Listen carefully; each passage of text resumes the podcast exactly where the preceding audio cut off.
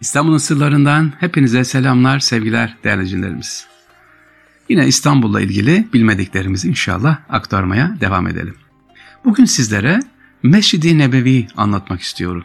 Medine'deki Resulullah aleyhi ve sellem Efendimizin e, hücre-i saadetinin kubbesini anlatmak istiyorum. Hani yeşil kubbe, kubbe hadra denir ya, yeşil kubbe denir ya. Neden yeşil kubbeymiş acaba? Kim ilk yaptırmış ve bunun İstanbul'la ilgisi nedir ona bakalım. Sevgili dinleyiciler, Kubbe-i Resul Aleyhisselatü Vesselam bulunduğu yerdeki o kubbe, Mısır Memlüklü Sultanı Kalabun Ah tarafından ahşaptan yaptırmış. Sultan II. Mahmut ise, padişah Sultan II. Mahmut da eskiyen ve yıkılmaya yüz tutan kubbeyi yeni baştan tuğladan tamir ettirerek kurşundan kaplatıp yeşile boyatmış. Demek ki bugünkü kubbetü sahradıra var ya yeşil kubbe, demek ki ilk yaptıran kimmiş? İkinci Mahmut'muş yeşil olarak. İşte ondan beri Kubbe-i Hadra diye anılıp geliyor. Kubbenin imarı için mimar ve mühendislerini usta ve işçilerini çağıran 2. Mahmut, Sultan 2. Mahmut, hücre saadet için e, üzerindeki kubbeyi tamir etmek için görevlendirilir. Bu emri alıp Medine-i Münevve'ye giden görevler önce toplanıp bir proje ve plan geliştirirler. Nedir? Buraya ilk dikkat dinleyelim. Yani ustalar gidiyor, işçiler gidiyor, güzel, kalfalar gidiyor ama diyor ki gelin hele bakayım şuraya. Biz ne yapacağız? Sıradan bir yap, yer yapmayacağız. Resul Aleyhisselatü Vesselam'ın kubbesini yeniden tamir edeceğiz, düzelteceğiz. Ne yapalım?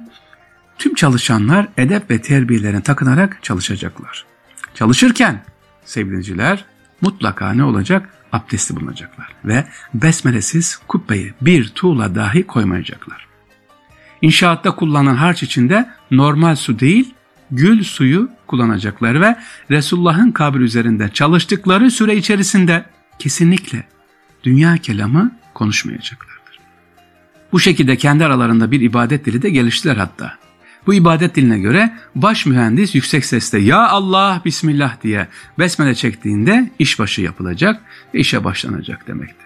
Ustalar tuğla lazım olduğunda Sübhanallah diyeceklerdi harç lazım olduğunda ya da herhangi bir malzeme lazım olduğunda Allahu Ekber diye sesleneceklerdi.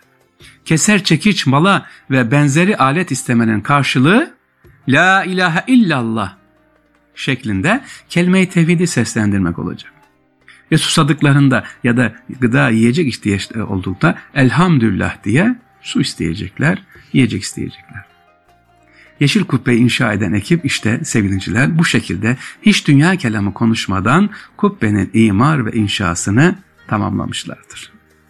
Değerli dinciler bununla ilgili düşünün kubbeyi hadıra dedik, yeşil kubbe dedik. Ee, ne kadar güzel hazırlanmış. Peki ondan önce başka var mı? Çekişlerine kullandıkları malzemelere e, ne yapıyorlar? Keçe koyuyorlar gürültü olmasın diye. Yani Osmanlı o dönemde orada mimarları olsun ustalar olsun çok hassasiyetli davranıyor. Bununla ilgili bir hatıram var.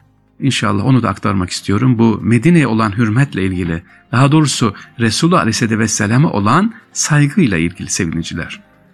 Medine'de 3-4 tane otel yapmış olan böyle giden inşaat bir kardeşimiz, iş adamı, o zaman müsiyatla beraber gitmiştik. Bana dedi ki ben evet buraya yaptım, burada şu oteli biz yaptık. Fakat oteli yaptığımdan beri şu ana kadar 6 senedir Allah bana Medine'ye gitmeyi nasip etmedi. Her defasında niyet ediyorum, gidiyorum, gideceğim, biletlerimizi alıyoruz, vizelerimiz tamam ama bir aksilik çıkıyor, gidemiyoruz.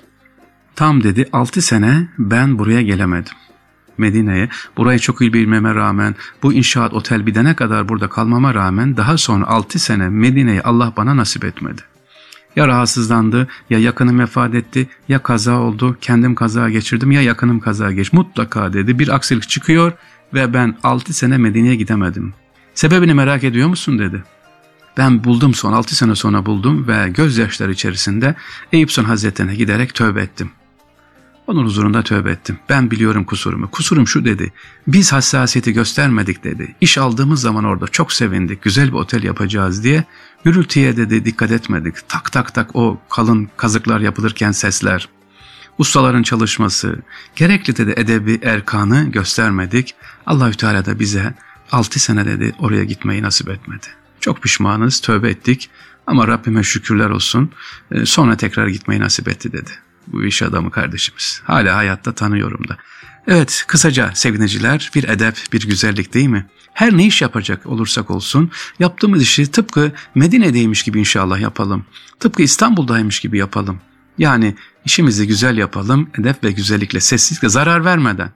Hani diyorum ya İstanbul edebi, İstanbul terbiyesi nedir? E gecenin saat birinde ikisinde yapmayın etmeyin, halı çırpılmaz, e, çamaşır makinesi, işte elektrik süpürgesi çalıştırılmaz. E ne yapayım ben o saatte geliyorum müsait değilim ama diğerleri de uyuyacak, istirahat edecek. İşte bu edeptir.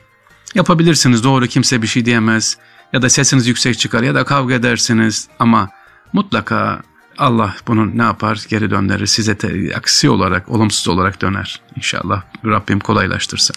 Sevgili dinleyiciler İstanbul'un sırlarında e, Kubbe-i Hadıra'yı anlattık. Sultan II. Mahmut'un onu ilk defa yeşille kapladığını, kurşunla kaplayıp yeşille boyattığını söyledik ve çalışma adabından bahsettik. İstanbul'un sırlarından siz sevgili dinleyicilerime selamlar, sevgiler. İnşallah tekrar görüşmek üzere sevgili dinleyiciler. Allah'a emanet olun, kolay gelsin.